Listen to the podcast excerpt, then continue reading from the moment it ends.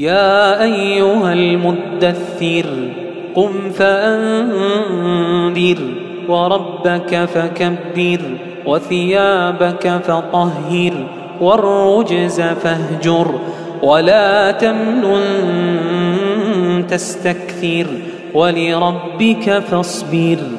فإذا نقر في الناقور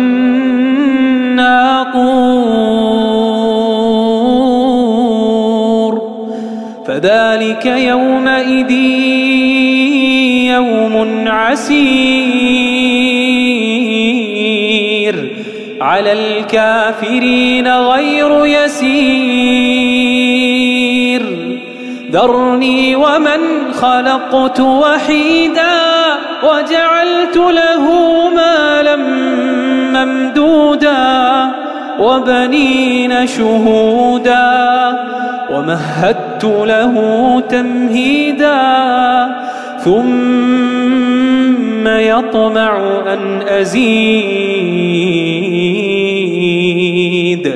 كلا إنه كان لآياتنا عنيدا سأرهقه صعودا.